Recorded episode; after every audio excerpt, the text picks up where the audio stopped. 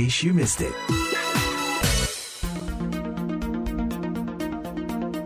In case you missed it, film karya Joko Anwar, Perempuan Tanah Jahanam atau sering disingkat PTJ, mencatatkan sejumlah pencapaian beberapa waktu belakangan. Selain mencatat rekor sebagai film dengan nominasi terbanyak, 17 nominasi, sepanjang gelaran Festival Film Indonesia, di mana mereka memenangkan 6 di antaranya termasuk film terbaik FFI 2020, PTJ juga diajukan ke ajang Academy Awards 2021 alias Oscar. Nah, salah satu pemainnya, Marisa Anita, nominator aktris pendukung terbaik FFI 2020, berbagi nih dengan VOA tentang pencapaian tersebut dan apa kira-kira maknanya untuk para sineas tanah air. Ia juga menyinggung soal relevansi Hollywood di tengah era layanan streaming film yang mempermudah distribusi film di seluruh dunia. Berikut obrolannya. Mbak Marisa, terima kasih sudah uh, bersedia untuk ngobrol-ngobrol bareng VOA. Dengan senang hati Rifan Dwi Astono. Udah lama banget kita nggak ketemu ya. Kayaknya terakhir kita ketemu dua tahunan lalu ya nggak sih? Setelah kan? kamu melanglang buana, terus kamu balik lagi, terus kamu melanglang buana. Melanglang buana lagi. That's right.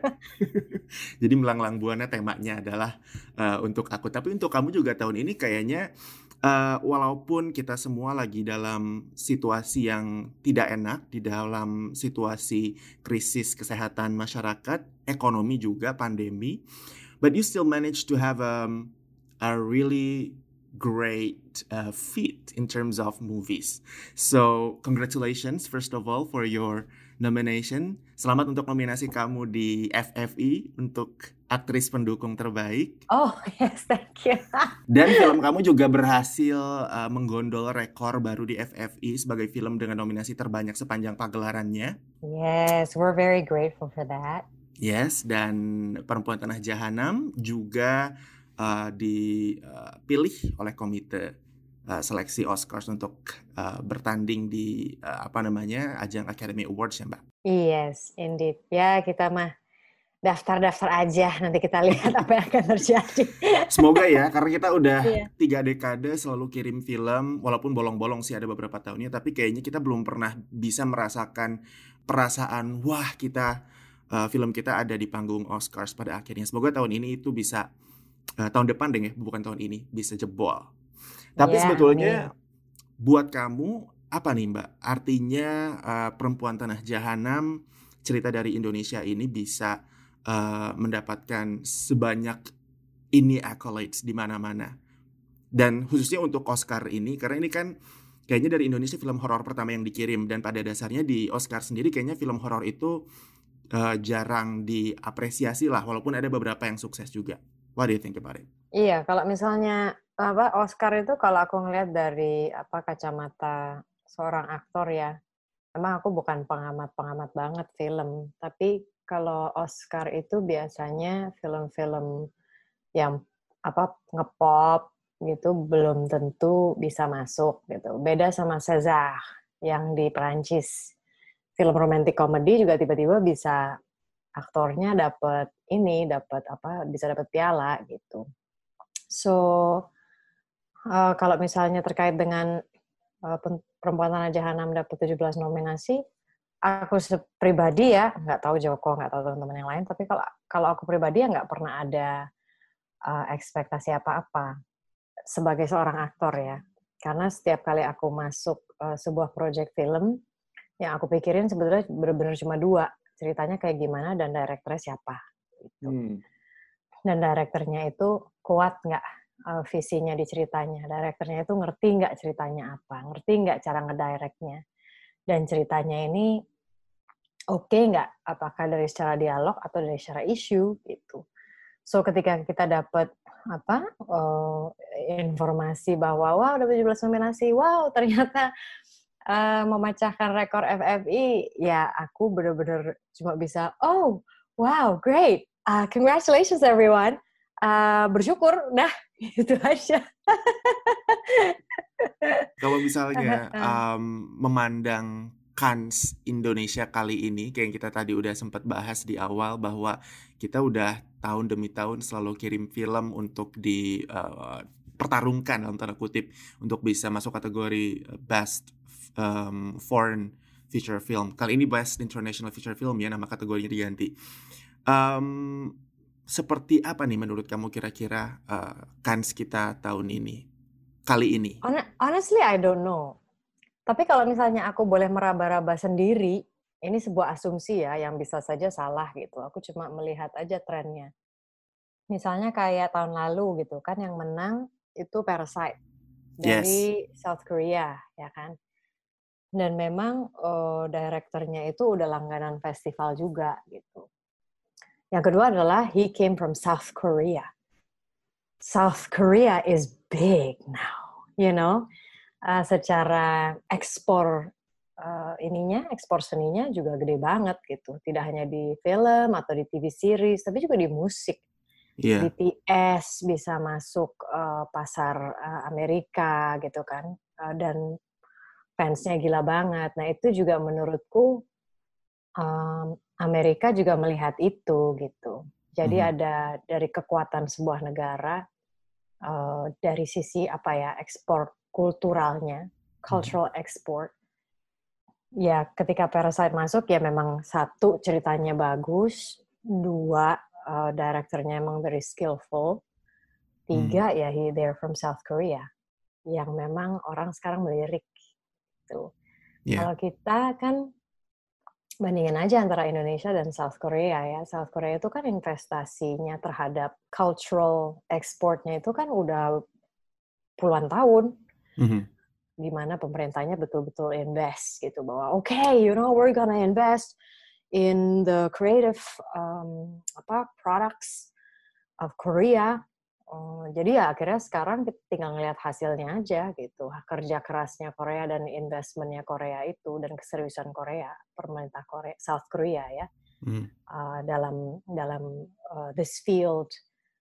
Ya kalau Indonesia ya kita kan setiap setiap tahun ya yes, dari dulu sampai sekarang masih struggling gitu. Aku sering dengar dari teman-teman film bahwa mereka merasa belum mendapatkan dukungan yang diharapkan. Dan kalau misalnya dilihat dari skill, oh, ya kamu bandingin aja Rifan, sekolah filmnya Korea sama sekolah filmnya sini banyakkan sekolah film Korea.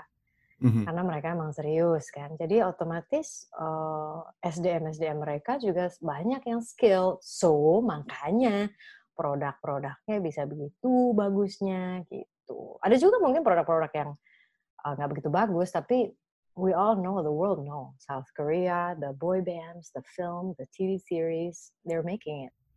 Yeah. So ya kalau misalnya Indonesia juga punya investment yang sama dan keseriusan yang sama untuk investing menciptakan SDM-SDM yang skilled dari semua ini ya, semua department gitu.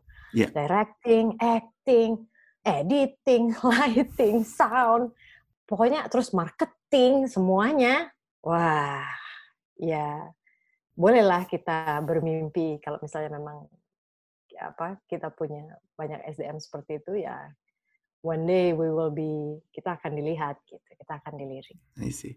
So far yang kamu lihat sebetulnya um, kita ada di tahap mana nih Mbak Mar? Uh, katakanlah uh, dalam kurva 0 sampai 100% kita udah ada di angka berapa nih? I actually don't know. I actually don't know. Karena uh, ya maksudnya aku tidak punya data, tapi yang jelas uh, yang aku hanya bisa harapkan adalah ya lebih banyaklah sekolah-sekolah uh, filmmaking gitu. Yeah. Uh, lebih banyaklah kalau misalnya oke okay, bikin sekolah kan lama mar, ya udah bikinlah workshop workshop gitu yang yang bisa mempercepat uh, upskilling ini gitu. Yeah. Ya apakah itu sekarang kan banyak OTT nih di seluruh dunia ya kan, banyak streaming service, gitu, yes. macam-macam lah merek-mereknya itu. Nah, apa uh, apakah mungkin streaming services ini yang memang mau berkolaborasi dengan uh, filmmakers dari seluruh dunia termasuk Indonesia, apakah mereka mau memberikan kayak semacam fasilitas training, you know, for filmmakers atau like, kayak sekolah atau tempat les kecil-kecilan lah, tapi dari dari mereka gitu. Yang hmm. standarnya hmm. memang ya udah internasional. Let's talk about misalnya ada Disney kan, ada Netflix, ada apa lagi tuh, banyak lah pokoknya yang dari luar. Mm-hmm. Hmm, so gimana kalau misalnya untuk sementara ya kita bisa tukar skill melalui program-program kayak gitu, gitu. Yes, setuju setuju. Nah, tapi ngomongin soal on demand service ini juga nih soal uh, streaming uh, platforms ini. Um, sebetulnya kalau menurut kamu nih Mbak, uh, apakah untuk sebuah film asing yang disebut oleh Hollywood asing ini um, Hollywood itu masih relevan untuk mereka bisa tetap sukses di kancah internasional. Karena kan kita setiap ngomongin uh, film yang bisa dikatakan wah berhasil itu pasti kita langsung berkiblat ke Hollywood. So far dengan adanya bantuan uh, yang mengakselerasi pendistribusian film dan juga konten konten-konten video ini yang streaming services ini apakah Hollywood masih relevan menurutmu?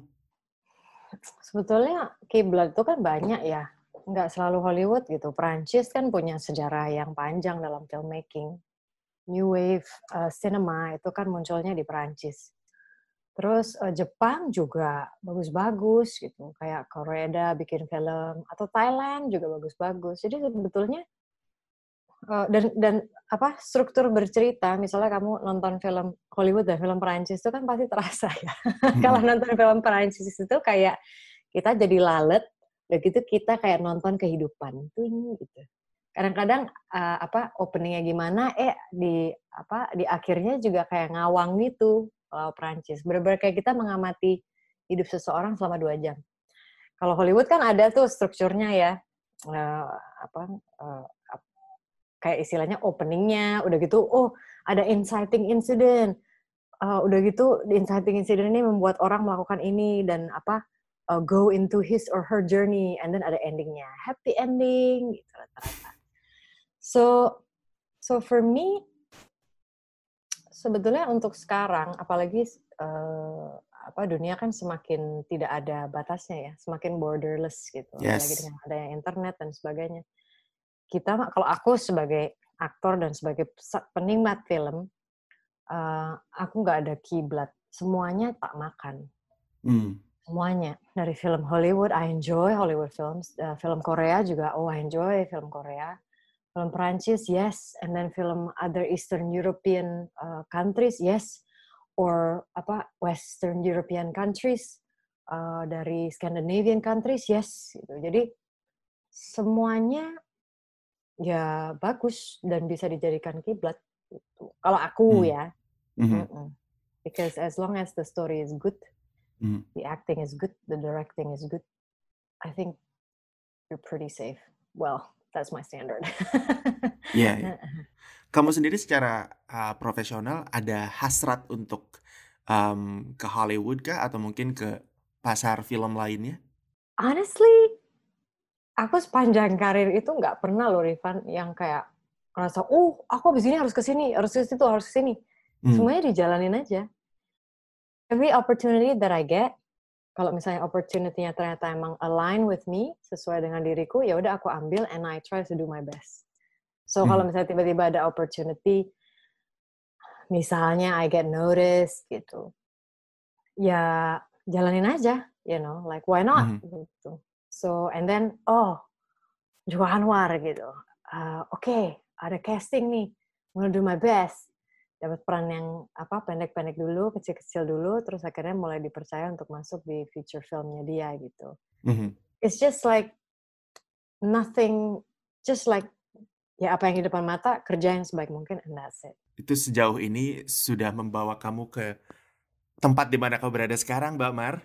Kamu aku udah ada di mana, Rifa? Kamu ada di mana ini? Karena aku aku ngikutin uh, film-film kamu uh, ya mungkin nggak dari awal banget, tapi aku nonton Selamat Pagi Malam, oh, Solo you. Solitude, um, Perempuan Tanah Jahanam. Nah, terus thank kamu you loh udah nonton. Iya, sama-sama dan itu juga membawa apa namanya perasaan yang apa ya thrill dan seru banget pas iya. nontonnya. Dan benar kata kamu banyak unsur-unsur keindonesiaan di situ uh, terutama soal wayangnya itu ya. Hmm. nah ngomong-ngomong mysticismnya betul. Bakar-bakar rambut ya. Oh my god, aku tidak terhitung berapa kali aku begini nontonnya, nutup mata dengan jari di salah-salah jari. Nah ngomong-ngomong, ini setelah Perempuan Tanah Jahanam, uh, kalau lihat katalog kamu setelah ini adalah film Quarantine Tales. Nah, kita yes, pengen ngomongin soal correct. Quarantine Tales.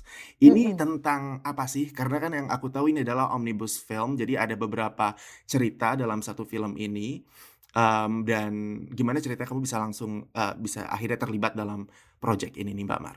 Iya, jadi aku akan apa? Kalau dari point of view-nya teman-teman produser ya, kayak Mbak Shanti Harmain dari base uh, entertainment itu, mm -hmm. benar-benar muncul dari keresahan bahwa wah ketika kita pandemi kita kagak bikin film nih gitu susah lah hmm. mau syuting kumpul-kumpul segala macam mau bikin cluster gitu kan cluster covid baru so muncullah lah ide-ide oh, ya udah kita bikin aja film yang yang kita buat uh, apa menggunakan teknologi komunikasi yang kita bisa sekarang yaitu ya kayak aku sama kamu gini lagi interview tapi video interview yes you're in America and I'm in Indonesia So it came from there actually. Namanya orang kreatif ya mau nggak mau kan harus terus uh, berkarya dalam bentuk apa pun dalam situasi apa pun. Terus kalau gimana aku bisa ceritanya masuk ke apa Quarantine Tales ini gara-garanya Dian Sastrowardoyo itu lagi nulis naskah. Mm-hmm. Dan gitu dia um, uh, apa ngirim naskah ke aku gitu, Mar, uh, aku ya istilahnya dia pengen kita kolaborasi. Mm-hmm. Karena ada satu karakter yang menurut dia tuh cocok sama aku gitu. Oh oke okay, di uh, aku baca menarik ceritanya tentang tentang keluarga sebetulnya, which mm-hmm. I think it's I like stories about families itu karena orang banyak bisa relate. Hmm, ya udah akhirnya baca uh, chemistry sama Dian dapet chemistry sama co-actors yang lain, Adinia Wirasti of course, and it's like our chemistry was unbelievable in 2014 in Selamat Pagi Malam. She's yes. the easiest actress to work with, you know, like because she's so open and she's so vulnerable. Hmm, terus sama satu lagi Faradina Mufti juga, you know, like so it's the four of us, all four women collaborating.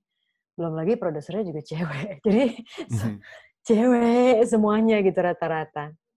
And I love the experience. Itu satu sama Dian. Satu hmm. lagi tuh ada director baru namanya Aco Tenria Geli. Dia tuh suka bikin film-film pendek gitu yang feelnya tuh rada-rada indie. Tapi hmm. aku tuh suka ngerasa ini orang ya uh, kayaknya observasi sosialnya bagus. Jadi uh, ketika aku baca skripnya, dia tuh bisa mengcapture human behavior di hmm. zaman pandemi. Yaitu ketika kita hidup uh, di tengah pandemi kan semua orang work from home. Terus jadi makin banyak lah itu orang-orang yang memakai sosial media. Hmm. Tiba-tiba jadi tambah eksis di sosial media, terus suka bikin-bikin giveaway gitu. Giveaway yang uh, seleb-seleb ini yang bikin giveaway, uh, bik, uh, hadiahnya tuh kadang-kadang nggak nggak nyambung sama orang yang dikasih. Misalnya kayak kondisi ekonominya uh, di apa kurang begitu ya. Mm-hmm. Tapi giveaway-nya misalnya kayak computer Apple computer gitu. It's like how are you know like uh, oke okay. ya gimana gimana bisa dipakai gitu ya padahal sehari-hari aja udah susah. Exactly, you know. Jadi kayak kayak fenomena gitu, fenomena mm-hmm. sosial. Mm. And I was like, Wow, this is interesting karena aku pun kan juga sekolahnya tentang digital media and society. Yeah. Jadi nyambung ke aku, wah demen nih gua ngelihatnya rada-rada apa nyolek-nyolek gitu loh. So So I was like, oh yeah, I want to be involved in this film as well. Ya jadinya aku terlibat dalam dua film di Quarantine Tales. Luar biasa. Yang tadi sama Mbak uh, Dian Sastro itu judulnya uh, No Gut. No Gut ya. Yang mm -hmm. sama uh, Aco Tenri judulnya Happy Girls Don't Cry. Don't Cry. Exactly. Alright. Quarantine Tales ini berarti di shoot waktu pandemi kemarin ini. Gimana pengalaman atau kesannya syuting di tengah pandemi Mbak Mar susah apa enggak? Ada yang beda apa enggak?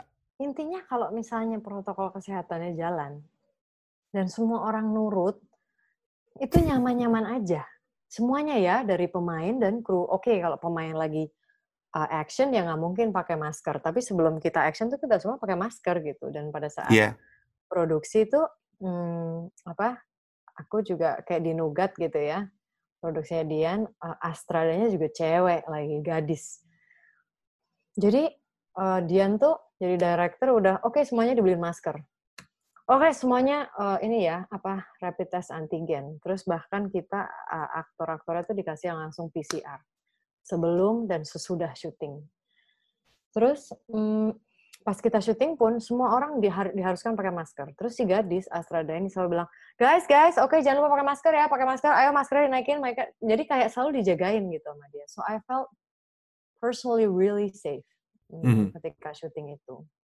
Dan uh, jam syuting juga sekarang jadi lebih pendek, Pan.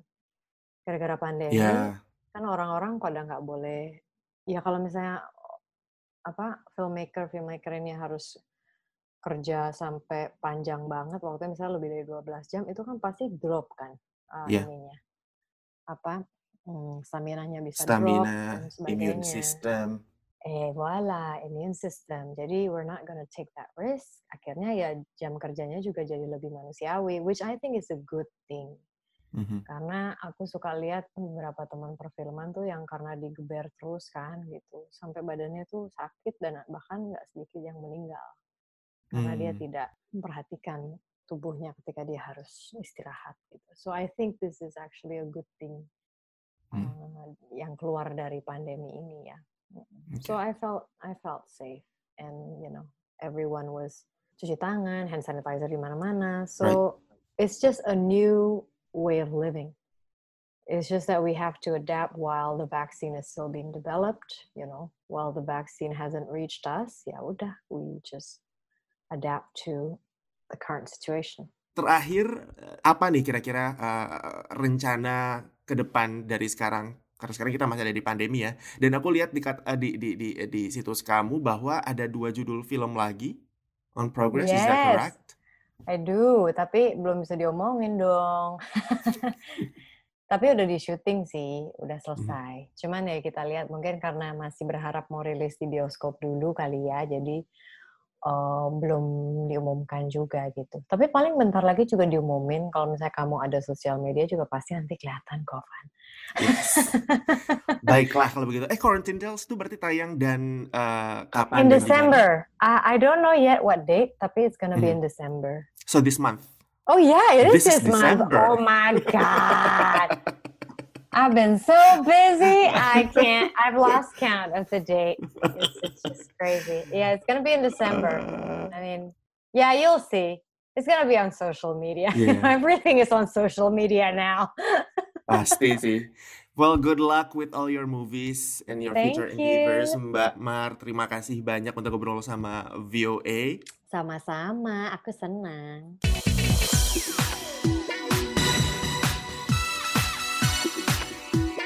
Case you missed it.